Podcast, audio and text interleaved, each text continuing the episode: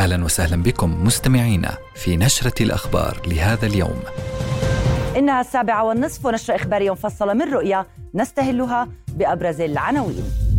المشهد الختامي لهفة أردنية لقنص كأس آسيا للمرة الأولى والملايين يترقبون نتيجة المنازلة الأخيرة بين النشامة والعنابي جنوب غزة خزان بشري. تحذيرات أردنية ودولية للاحتلال من اجتياح رفح.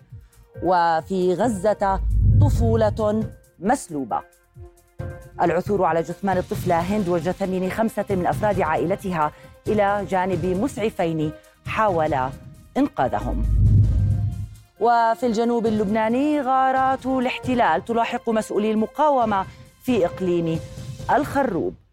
وفي ظلال عدوان الاحتلال الدوحة تحتضن المنتدى السنوي الفلسطيني بنسخته الثانية. أهلا بكم وإلى التفاصيل.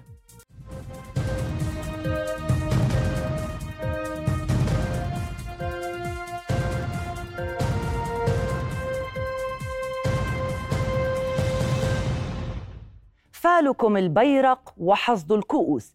هذا لسان حال الأردنيين وهم يتابعون منتخب النشامة على درب حمل لقب بطل آسيا. إنها قصة عزم وتحد تحفر اسم الأردن عاليا في سماء كرة القدم القارية أمام انبهار محبي كرة القدم عالميا. فهي ليست مجرد مباراة بل هي تاريخ يسطر بأحرف من ذهب. نضبط ساعاتنا ودقات القلوب فعلى بعد دقائق من الآن يحسم مصير كأس آسيا بينما تتابع العيون شاشات العرض على امتداد الوطن المتعطش للبهجة والفخار. لحظات حاسمة ومهما كانت نتيجة مباراة اليوم فإنها ستكتب فصلا جديدا في تاريخ الرياضة الأردنية. يواصل الأردنيون مؤازرتهم للمنتخب الوطني لكرة القدم الذي يلعب في نهائي كأس آسيا 2023 بمواجهة فريق قطر. إذ انطلق النشامة بروح عالية وسعي نحو الفوز وقنص الفرص مع بدء الشوط الثاني من المباراة التي تشهد وصولا أردنيا تاريخيا لنهائي البطولة. تتقدم فيه قطر حتى الآن بفارق هدف واحد عن المنتخب الأردني. وانطلقت صفارة البداية في استاد لوسيل في قطر بحضور جلالة الملكة رانيا العبد الله وسمو الأمير الحسين بن عبد الله الثاني ولي العهد وعدد من الأمراء في حضور أردني هاشمي لدعم المنتخب الأردني. وهذا النهائي هو الثالث بين منتخبين عربيين على مدار تاريخ البطولة. إذ كانت المرة الأولى في نسخة عام 1996 التي أقيمت في الإمارات العربية المتحدة وتوج حينها المنتخب السعودي. فيما توج العراق في النسخة الثانية التي أقيمت عام 2007 في إندونيسيا بمواجهة السعودية. فرحة أردنية بالتعادل الذي حققه عمالقة النشامة في الشوط الثاني من نهائي كأس آسيا. هذا ولم تهدأ مواقع التواصل الاجتماعي منذ تأهل الفريقين إلى النهائي وحتى قبل ساعات من بدء المباراة النهائية.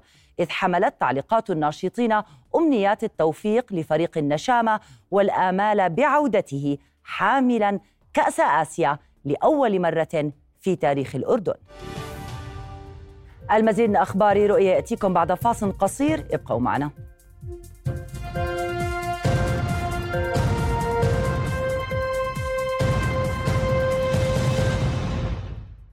استمرت غارات الاحتلال الإسرائيلي لليوم السابع والعشرين بعد المئة على مناطق متفرقة في القطاع المدمر مخلفة 117 شهيدا و152 جريحا في 16 مجزرة خلال آخر 24 ساعة وبذلك ترتفع الحصيلة منذ السابع من أكتوبر إلى 28064 شهيدا والجرحى إلى 67611 وفقا لآخر إحصائية لوزارة الصحة في القطاع. ووسط مؤشرات على اقتراب عملية اجتياح رفح شن طيران الاحتلال غارات عنيفة على مناطق متفرقة في المحافظة مخلفا عشرات الجرحى والمصابين. بدورها حذرت حركة حماس والمكتب الإعلامي الحكومي في القطاع من كارثة ومجزرة عالمية قد تخلف عشرات الآلاف من الشهداء والجرحى إذا اجتاح الاحتلال رفح التي تؤوي أكثر من مليون وأربعمائة ألف نسمة يعيشون في ظروف إنسانية قاسية. وفي خان يونس نسف الاحتلال مربعا سكنيا في الوقت الذي واصلت فيه آلياته حصار مجمع ناصر الطبي. كما استهدفت باحات المستشفى برصاص قناصين وقصف مدفعي أسفر عن استشهاد وإصابة عدد من الفلسطينيين. وأطلقت زوارق الاحتلال النيران قبالة ساحل دير, دير البلح وسط القطاع لتسفر عن شهيد وجريحين كما تعرضت المناطق الشرقية لجباليا لقصف مدفعي. وتفاقمت أزمة المجاعة في شمال القطاع إلى مستويات خطيرة مع انعدام شبه تام للمواد الغذائية وسط استهداف الاحتلال لأي شحنات مساعدات إلى المنطقة التي تعرضت لويلات حملة الإبادة في المراحل الأولى من الحرب. وفي السياق حذر الأردن من خطورة إقدام جيش الاحتلال على تنفيذ عملية عسكرية في مدينة رفح التي تؤوي عددا كبيرا من الفلسطينيين الذين نزحوا إليها كملاذ آمن من العدوان المتواصل على القطاع.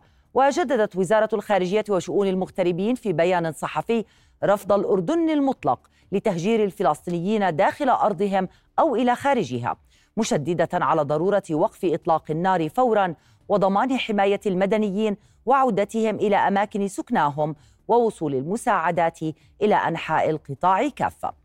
كما دعت الخارجية المجتمع الدولي إلى الاطلاع بمسؤولياته والتحرك الفوري والفاعل لمنع الاحتلال من مواصلة حربه المستعرة التي تسبب كارثة إنسانية غير مسبوقة. وطالبت مجلس الأمن الدولي بمنع التدهور الخطير وفرض وقف فوري لإطلاق النار. بعد تلويح رئيس وزراء الاحتلال بنيامين نتنياهو باجتياح مدينة رفح التي زعمت تل أبيب مرارا وتكرارا أنها آمنة.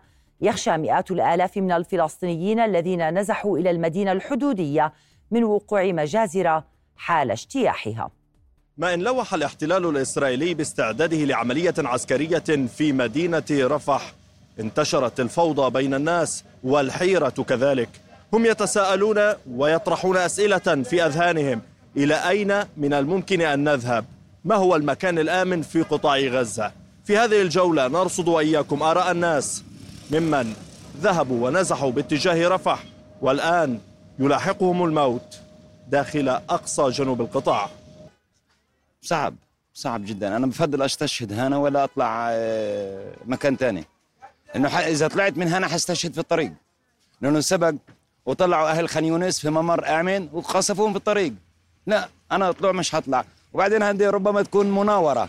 إيه، أنا بالنسبة لي آه، سمعت إنه بده يهددوا رفح. وأنا بالنسبة لي بدي أأمن عائلتي بدي أوديهم يا عن صرات يا على الزوايدة وهي فيش أمان. كل غزة مهددة. بس الأمان برب العالمين. وأنا بتمنى تخلص الحرب. يعني إحنا نزحت من غزة. وجيت على الوسط طبعا اجيت على رفح. حكيت بدي هدد رفح. وين بدي أروح؟ فيش مكان هاينا موجود هين بدي أعملوا سووا. عادي يعني. هاينا موجودين. بدي ضل أروح واجي وأروح واجي لا هاينا موجودين في رفح مستقرين. إيش ما بدهم يعملوا يعملوا. حنضلنا في الخيام زي ما إحنا وين بدنا نوديهم يعني؟ فيش حل. لا برجعونا على الشمال مطرح ما إجينا منه. لا حنستنى الموت. يعني حاجة مش حنطلع من رب وين بدنا نروح؟ وين أروح؟ أنا بدي أموت فهم. وين وين أروح يعني؟ وين أروح؟ أنا ماليش إلا وين أروح؟ كم مرة إحنا بدنا نتنكل يا سيدي الموت في سبيل الله كويس يعني لما نموت بنموت شهداء. طيب يا ريت إيش نسوي؟ وين نروح يعني؟ فيش مأوى لنا وين نروح؟ عند مين؟ الناس قاعدة في رفح بتموت من غير دخول الاحتلال عشان تكون في الصورة. والناس عارفة وكل الأطراف عارفة إنه المواطن في غز في الغزاوي اللي عايش الآن في رفح بعيدا عن الغلا بعيدا عن الغلا وبعيدا عن عن الحياة الصعبة والقاهرة اللي بنعيشها كلنا بلا استثناء. اللي معاه فلوس واللي معهوش فلوس اللي لاقي ياكل واللي مش لاقي ياكل بعيش حالة قهر ما مرتش في التاريخ. إحنا اليوم بنعيش حالة من القهر وحالة من الظلم وحالة من الرعب إذا بدك. يتنقل الفلسطينيون قدوما من مدينة رفح إلى المحافظات الوسطى يعتقدون بأنها آمنة لكنهم بالفعل لا يجدون أي خيارات متاحة أمامهم في ظل هذا الموت الذي يلحق بهم أينما رحلوا وارتحلوا. غازي العلول من محافظة رفح أقصى جنوب قطاع غزة. رؤيا. عثر الهلال الأحمر الفلسطيني على جثمان الشهيدة الطفلة هند رجب وجثمين خمسة من أفراد عائلتها بعد 12 يوما من فقدان الاتصال بهم. ولحظة استهداف مركبة الإسعاف التي حاولت إنقاذ الشهداء على بعد أمتار من مركبة عائلة الطفلة هند. وكانت قوات الاحتلال حاصرت واستهدفت سيارة مدنية تعود إلى بشار حمادة وبرفقته زوجته وأطفاله محمد وليان ورغد وابنة شقيقته الطفلة هند. وأعلن عن استشهاد الطفلة ليان حينما كانت تتحدث عبر الهاتف مع طاقم الهلال الأحمر طالبة النجدة. في حين بقيت الطفلة هند محاصرة داخل المركبة التي تحيط بها دبابات الاحتلال وجنوده. واتهمت حركة حماس جيش الاحتلال بتعمد قتل الطفلة هند وابنة عمها ومسعفين اثنين بدم بارد في مدينة غزة. داعية المؤسسات الأممية والحقوقية إلى توثيق هذه الجريمة ضمن مئات مجازر الاحتلال لمحاكمة الجيش المجرم وقادته. هذا وتلقت عائلة الشهيد المسعف يوسف زينو في مخيم عسكر القديم في نابلس خبر ارتقاء ابنها بعد 12 يوما من خروجه مع زميله المسعف أحمد المدهون لإنقاذ الطفلة هند التي حوصرت داخل مركبة عائلتها رفقة جثامينهم في شمال غزة. هلا حبيبي كيف حالك؟ شو أخباركم؟ والله الحمد لله الكل بخير. هيني كنت عندي أمي قبل شوية وهيني مروعه خان يونس الحمد لله امورنا كويسة وبخير. إن شاء الله بقولوا في أخبار مبشرة وحلوة إن شاء الله لهدنة أو وقف اطلاق نار بيحكوا صفقات تبادل. أيوة إن شاء الله تزبط الأمور وتمشي إن شاء الله. وبقولوا يمكن يرجعوا الأهالي النازحين في الشمال من الجنوب يرجعوا على الشمال تاني. الاخبار مبشرة إن شاء الله. إن شاء الله خلال 48 ساعة بقولوا في حلول منيحه هذا التسجيل قبل يوم واحد فقط من خروج يوسف مع زميله أحمد لمحاولة إنقاذ الطفلة هند التي كانت حية بين جثامين عائلتها وكان يتحدث مع خاله الذي يقيم هنا في مخيم عسكري للشرق من مدينة نابلس. اول شيء العمر لكم شكر الله سعيكم أخوي. الحمد لله رب العالمين. يعني يوسف اليوم سجل هذه البطولة واستشهد رغم أنه خرج لإنقاذ طفلة بين مجموعة جثامين وخرج بتنسيق وقوات الاحتلال قصفت مركبة الإسعاف. مزبوط. إيه، يوسف شغال على سيارة إسعاف مسعف وزميله أحمد. جاهم اتصال. الكل سمعوا وشافوا. هم يطلقوا النار على السيارة. وتوجه يوسف بعديها. وبعدين قصفوا. يوسف انفقدت أخباره بعديها. هاي اليوم صار له 12 يوم. ومقصوف من يومتها مستشهد يوسف و... وجماعته يوسف إنسان بسيط وزبلوها ضحوك وبحب الحياة وعندهم مصنع حلو بيشتغلوا بيشتغل بالإسعاف. وقبل كم سنة تقريبا في أربع سنين ستة سالم إجا يوسف عمل تسريح. وإجا هين وقعد عنا تقريبا ثلاث أربع أيام. تربى بيننا تقريبا يعني كانت زمان الدنيا فاتحة طول وقتهم عندنا هين في الدار يعني. يعني هذه قصة يوسف وهذه جزء من مجموعة قصص لعائلات فلسطينية مشتتة ما بين غزة والضفة الغربية والموجودين اليوم في الضفة الغربية يعني يتتبعون لحظة بلحظة أخبار أقاربهم هناك في غزة. واليوم صباحا وصل الخبر بعد 12 يوما من أن فقد يوسف بينما كان مع زميله أحمد في الطريق لمحاولة نجدة الطفلة هند. وصل خبر أنه ارتقى شهيدا في هذه المهمة الإنسانية البطولية على مرأى من عالم عاجز لا يسمع صوت الضحية الفلسطينية. من مخيم عسكري للشرق من مدينة نابلس حافظ أبو صبرة رؤيا سبعون ورقة علمية حول القضية الفلسطينية بدأت مناقشتها اليوم في العاصمة القطرية ضمن أعمال المنتدى السنوي الفلسطيني بنسخته الثانية. التفاصيل في التقرير التالي. بنسخته الثانية. انطلقت اليوم في العاصمة القطرية الدوحة أعمال المنتدى السنوي لفلسطين. حيث يناقش المؤتمرون سبعين ورقة علمية من بين 520 إسهاما من مناصري القضية الفلسطينية في مختلف دول العالم. لتبادل وجهات النظر كما تشمل نسخة المنتدى الثانية على مدى ثلاثة أيام ندوات وورش عمل حول عدوان الاحتلال على قطاع غزة والإزاحات الذي أحدثها في الرأي العام العالمي إلى جانب القضية الفلسطينية بفضل تصدي آلاف الشباب الفلسطيني والعربي لنشر الحقيقة بلا تزوير. تولد غزة من النار كما كان يقول محمود درويش.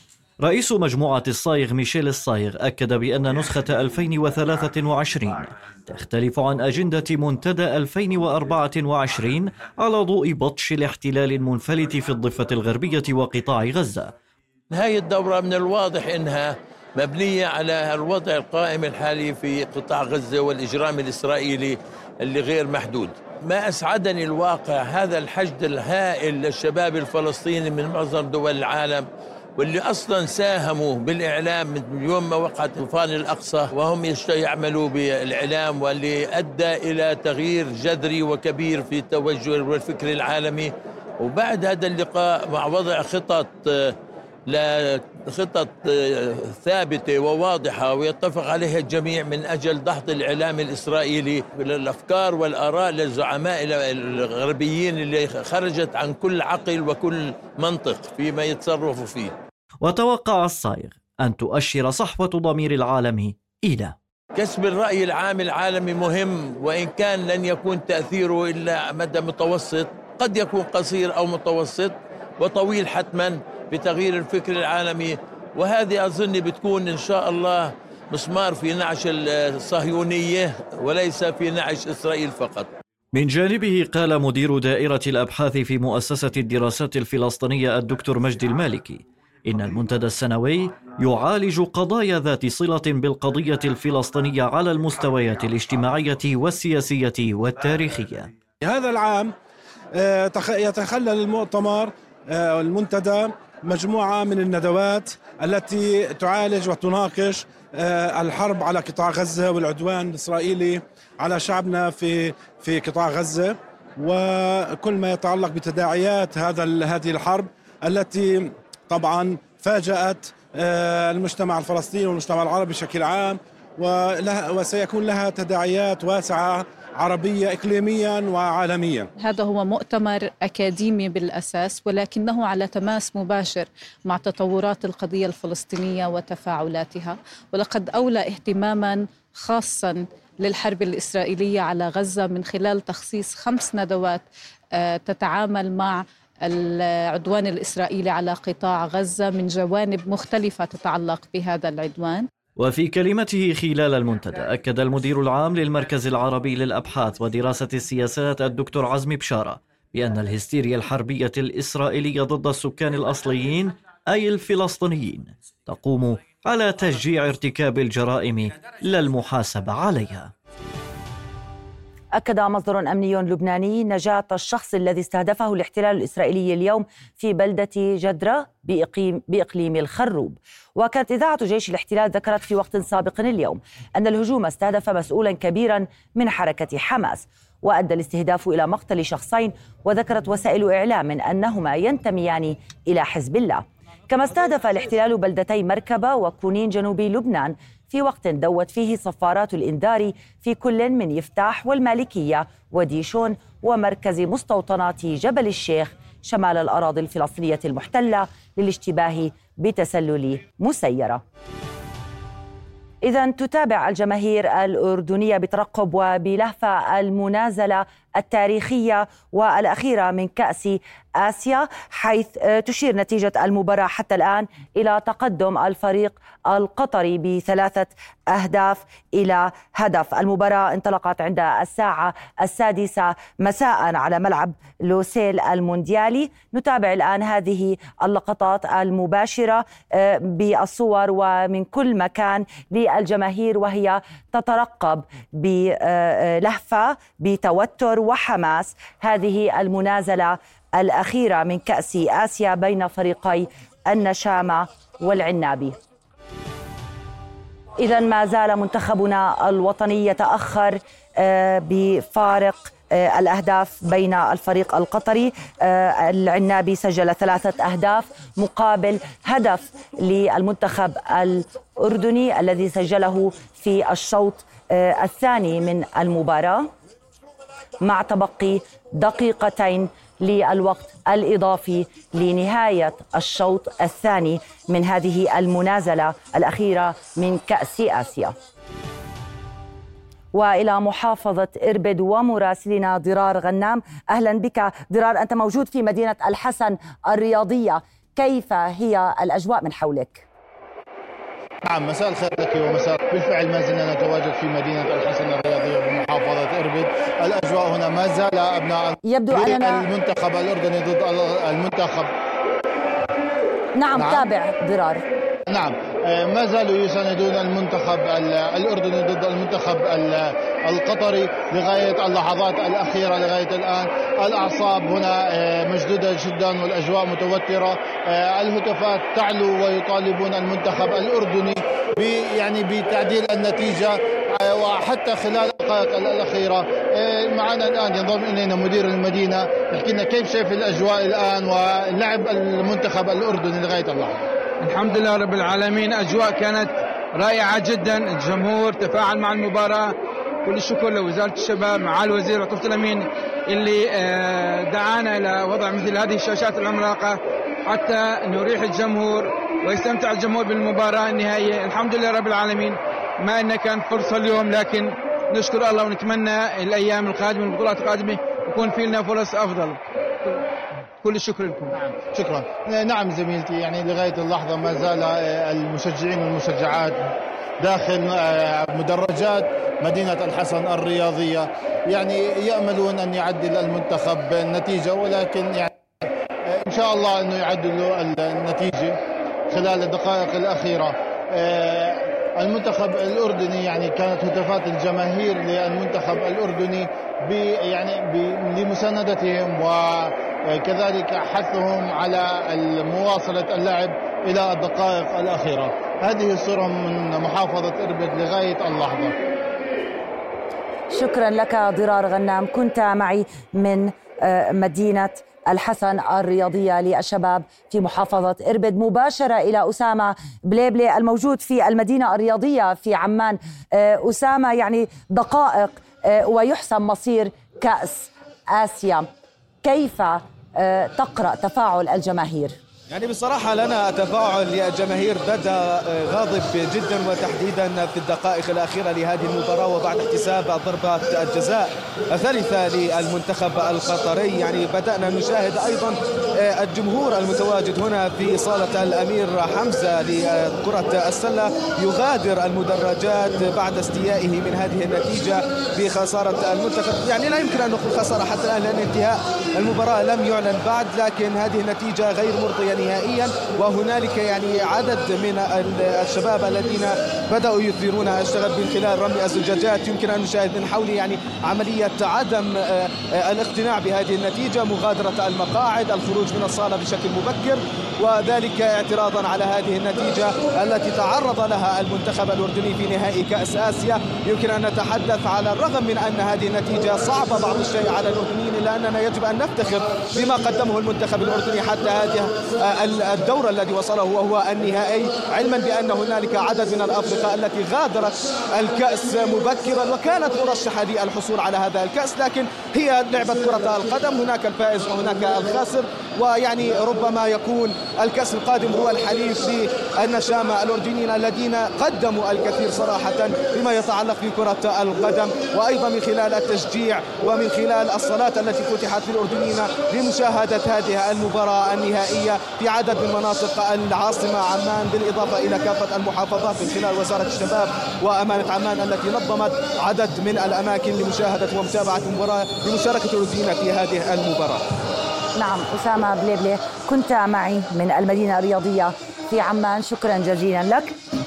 إذا كما قال مراسلنا أسامة هي خسارة أقرب إلى نكهة الفوز آه، بجدارة. نتحدث عن ثلاثة أهداف سجلها آه، الفريق القطري بضربات جزاء بينما آه، جاء هدف المنتخب الأردني بكفاءة وهذا الهدف جاء في الشوط الثاني. بانتظار الانتقال إلى مراسلنا أسامة إسماعيل السلاوي من حدائق الحسين في عمان نشير إلى تقدم الفريق القطري بثلاثة أهداف إلى هدف. كما قلنا هي خسارة بأقرب إلى نكهة الفوز بجدارة فوصول المنتخب الوطني إلى هذه المرحلة من هذه آه، المنازلة الأخيرة من كأس العالم. يستحق آه، التبريك مباشرة إلى إسماعيل السيلاوي. إسماعيل أنت موجود في حدائق الحسين. كيف تفاعل الجمهور الأردني مع المباراة مع الهدف الذي سجله المنتخب الأردني بجدارة مقابل ضربات الجزاء التي حققها المنتخب القطري. يعني بالفعل الهدف الأردني عندما جاء كانت بداية رسالتنا الأولى مع بداية النشرة وشاهدنا الفرحة العارمة والهدف الجميل والهدف المستحق يعني للاعبنا ومهاجمنا يزن نعمات آه، بالمقابل هناك احتقان واضح ليس فقط على الخسارة إنما على آه، طريقة الخسارة هكذا عبر آه، الحضور من عندي يعني الأردنيين بالعموم والأردنيون هنا في حدائق الحسين والذين كانوا بالآلاف الذين جاءوا مبكرا جاءوا قبل الساعة الخامسة عصرا إلى حدائق الحسين حيث جهزت أمانة عمان هذا الموقع للحضور أمام الأردنيين في عمان آه، يعني يعني كان من الواضح أنه يعني المكان الذي وصله المنتخب هو لوحده إنجاز وكانوا يعني آه، حيثما كان حيثما كانت النتيجة أو كيفما كانت النتيجة كلنا مع منتخبنا هكذا كانت في البداية. لكن يعني الوضع الذي شاهدنا فيه المباراة والتحول الدراماتيكي وضربات الجزاء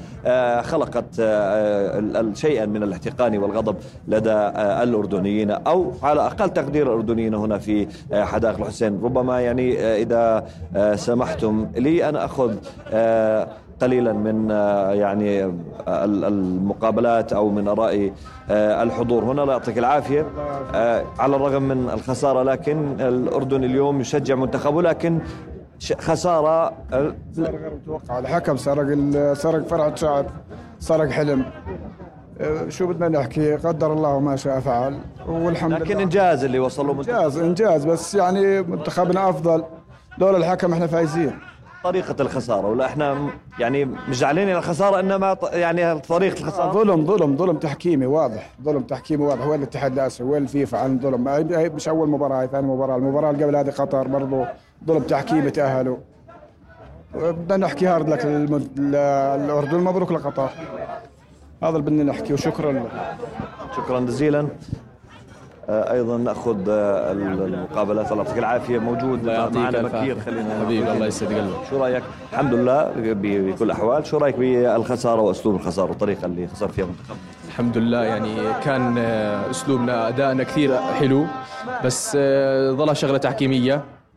فيعني نقول ألف مبروك للنشامة. يعني هذا أداء كثير مشرف زي ما نحكي لهم. والله يعطيك العافية. أول شيء ألف مبروك للمنتخب القطري الشقيق وهارد لك المنتخب الوطني. ما قصر والله لعبوا لعب وإنجاز عظيم. طبعا الضربات الجزاء في شك بس الحمد لله على كل حال. وألف مبروك للمنتخب على الإنجاز. والله إنجاز لعبه إنجاز قوي. لعبه إنجاز تاريخ يعني مش لعبة قوي قوي لعبة. إنجاز تاريخي الله يعطيهم العافية. مشكورين. إيش ما كانت النتيجة؟ بس شو رأيك في المباراة ومجريات المباراة؟ حلو المباراة. لعبهم بجنن كان اليوم. كويس الحمد لله رب العالمين. لولا هالضربات الجزاء. عم الله يعطيك العافية. الله يعافيك حبيبي. آه، أول شيء الله يعطيهم العافية. ما قصروا لكن شو رايك ما شاء الله أدوا اللي عليهم وما شاء الله النشامة بيظلوا نشامة وما شاء الله عليهم. والف مبروك للي وصلوا ما شاء الله. ما شاء الله. ضربات الجزاء.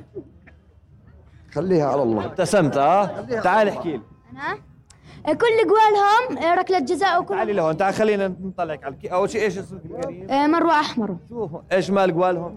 آه، كلهم ركلة جزاء وبظهرهم يقعوا عشان يخ... قال واحد منهم نطلع. بس إنه منيح إنه وصلنا لهم. أكيد ومنتخب الله يعطيك العافية. الحمد لله رب العالمين قدر الله ما شاء فعل. رائد الزعبي الحمد لله رب العالمين قدر الله ما شاء فعل. بس يعني النشامة ما قصروا. يعني التحكيم يعني خلص هذا حظ النشامة. الحمد لله رب فخورين راح نظل فخورين بالوطن وقائد الوطن والمنتخب للأبد. أكيد اللوم مش على على اللاعبين ولا على المدرب ما قصروا هم بالحاليا بال يعني إحنا بالنسبة للمرحلة اللي وصلنا لها إحنا فايزين. بس بالنسبة للحكم كل اللي من, بداية المباراة إذا بنلاحظ بنلاحظ إنه بداية المباراة بلش الحكم بلش باللاعبي منتخب الأردن يبلش كروت صفراء يبلش التحكيم غلط. ثلاث ركلات آه، جزاء آه، ضربات جزاء مش معقول يعني مرة مرتين. بنهايه كأس آسيا بتتوقع تأخذ ثلاثة جزاء؟ بغير المعقول. بس إحنا بغض النظر إحنا فايزين واصلين هاي المرحلة. يعني. إن شاء الله والله اللاعبين ما قصروا يعني. كثير كان أدائهم جميل. آه، ما يعني حتى ال- الأداء ال- الفرص كثير كانت إلنا. بس الحكم كثير كان مدقق على كل شيء إلنا وتارك كل شيء لهم. إن شاء الله خيرات غيرها هسا. مبروك للمنتخب الوطني وهارد وه- مبروك للمنتخب القطري وهارد لل- للمنتخب الوطني. اولا في الأول في الأخير إنه أخذها شعب عربي مش شعب أجنبي. وشو بدنا نحكي؟ شو رأيك بمنتخبنا أداء الشباب اليوم؟ والله إنهم ما قصروا. إيه هذا كان والدور اللي وصلوا له إنجاز. مش يعني الدور هين. بس يعطيك العافية. يعطيهم العافية. زي ما قلت أظن الشام أظن. والله ما شاء الله إنجاز يعني إنه وصلنا لهان. بس الحكم كان حاقد على اللعيبة الأردنية لأنه خسر من شو اسمه. شكرا جزيلا شكرا. آخر مقابلة سريعة يا أخي إلى متى يعني نظل زي هيك؟ يعني إحنا لعبنا وكل تعبنا صار. وصلنا نهائي باخر شيء فرط كل تعبنا حكم. حرام هيك والله حرام. يعني باخر شيء ضيع تعبنا حكم. مجهود بطولة كامل ضيع حكم. والله حرام. إحنا بهيك كن اذا يعني كل الاراء بلا استثناء ما لا يوجد أي من أي من آه، يعني آه، اتهم لاعبينا بالتقصير أو بالكادر التدريبي الكل يشكر بأداء لاعبينا المشرف وأداء آه، لاعبينا الرجولي والبطولة في هذه المباراة النهائية والاستثنائية وال يعني الأغلب يعتقد بأنه آه، ال- البلنتيات وضربات الجزاء آه، آه، يعني هناك شك بهذا الأسلوب وهذا الطريقة التي خسر بها نعم، منتخبنا. طبعا آه، كان آلاف مؤلفة من الجمهور الذين حضروا في حدائق الحسين في آه، حيث نظمت أمانة عمان آه، هذا التجمع الكبير شكراً. وربما الأكبر في عمان والمملكة أمام شكرا الكبيرتين الوقت داهمني. شكرا لك من حدائق الحسين إسماعيل السلاوي ولسان حال جماهير النشامة ما قصروا. فاصل من بعده المزيد ابقوا معنا.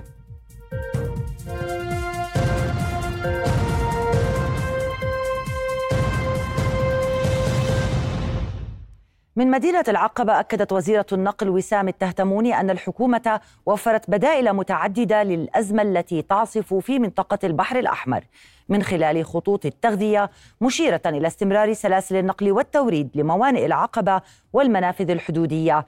الأخرى. وفي اليوم البحري الأردني الثامن الذي تنظمه الهيئة البحرية تحت عنوان الصحة السلامة والبيئة. أكد مدير عام الهيئة عمر الدباس أهمية قطاع النقل البحري على مستوى العالم إذ ينقل من خلاله ما يزيد عن 90% من إجمالي حجم التجارة العالمية ما يجعله شريان الاقتصاد والتجارة العالمية. وكان الأردن استحدث خطوطا بحرية لتغذية خطوط أخرى حولت مسارها عبر طريق رأس الرجاء الصالح بهدف ضمان انسيابية وصول البضائع واستمرارية سلسلة التوريد. الحلول والبدائل التي تم توفيرها بحيث إنه نخفف من الآثار اللي ترتبت على آه، ال- قطاع الملاحة وحركة السفن في البحر الأحمر. الحمد لله رب العالمين البدائل متوفرة من خلال خطوط التغذية ومن خلال الخطوط التي لا زالت تعبر باب المندب. الإحصائيات مبشرة ومطمئنة إنه ال- الحركة مستمرة وسلاسل الإمداد والتوريد مستمرة وهذا الشيء اجى بتضافر جميع الجهود سواء كان من القطاع الخاص العاملين في- سواء من خطوط الملاحة من المؤسسات البحرية ومن القطاع الحكومي بدعمهم وإعطائهم أيضا ال- المظلة الحكومية في تسيير الأعمال. خطط الهيئة البحرية في في ال- المستقبل القريب والمستقبل البعيد فالمستقبل القريب إن شاء الله إحنا في طور آه، إعداد كافة التعليمات وتطويرها وتعديلها بما يتوائم مع المتطلبات بما يتوائم مع متطلبات السلام والأمن بما يتوائم مع سلاسل الإمداد التي تتعرض لمشاكل حول العالم. آه، وإن شاء الله إحنا س- سنطوع يعني سنطوع كافة إجراءاتنا وتعليماتنا بما يخدم آه، دخول السفن وخروجها من إلى موانئ ال- ال- العقبة بطريقة آمنة وسهلة وسلسة إن شاء الله. الساحرة المستديرة دائما تحمل المفاجآت وما كما قالت الجماهير النشامة ما قصروا. نقول مبارك للنشامة الذين سطروا اسم الأردن في سجل تاريخ كأس آسيا في سجل كرة القدم القارية. شكرا للمتابعة. بأمان الله.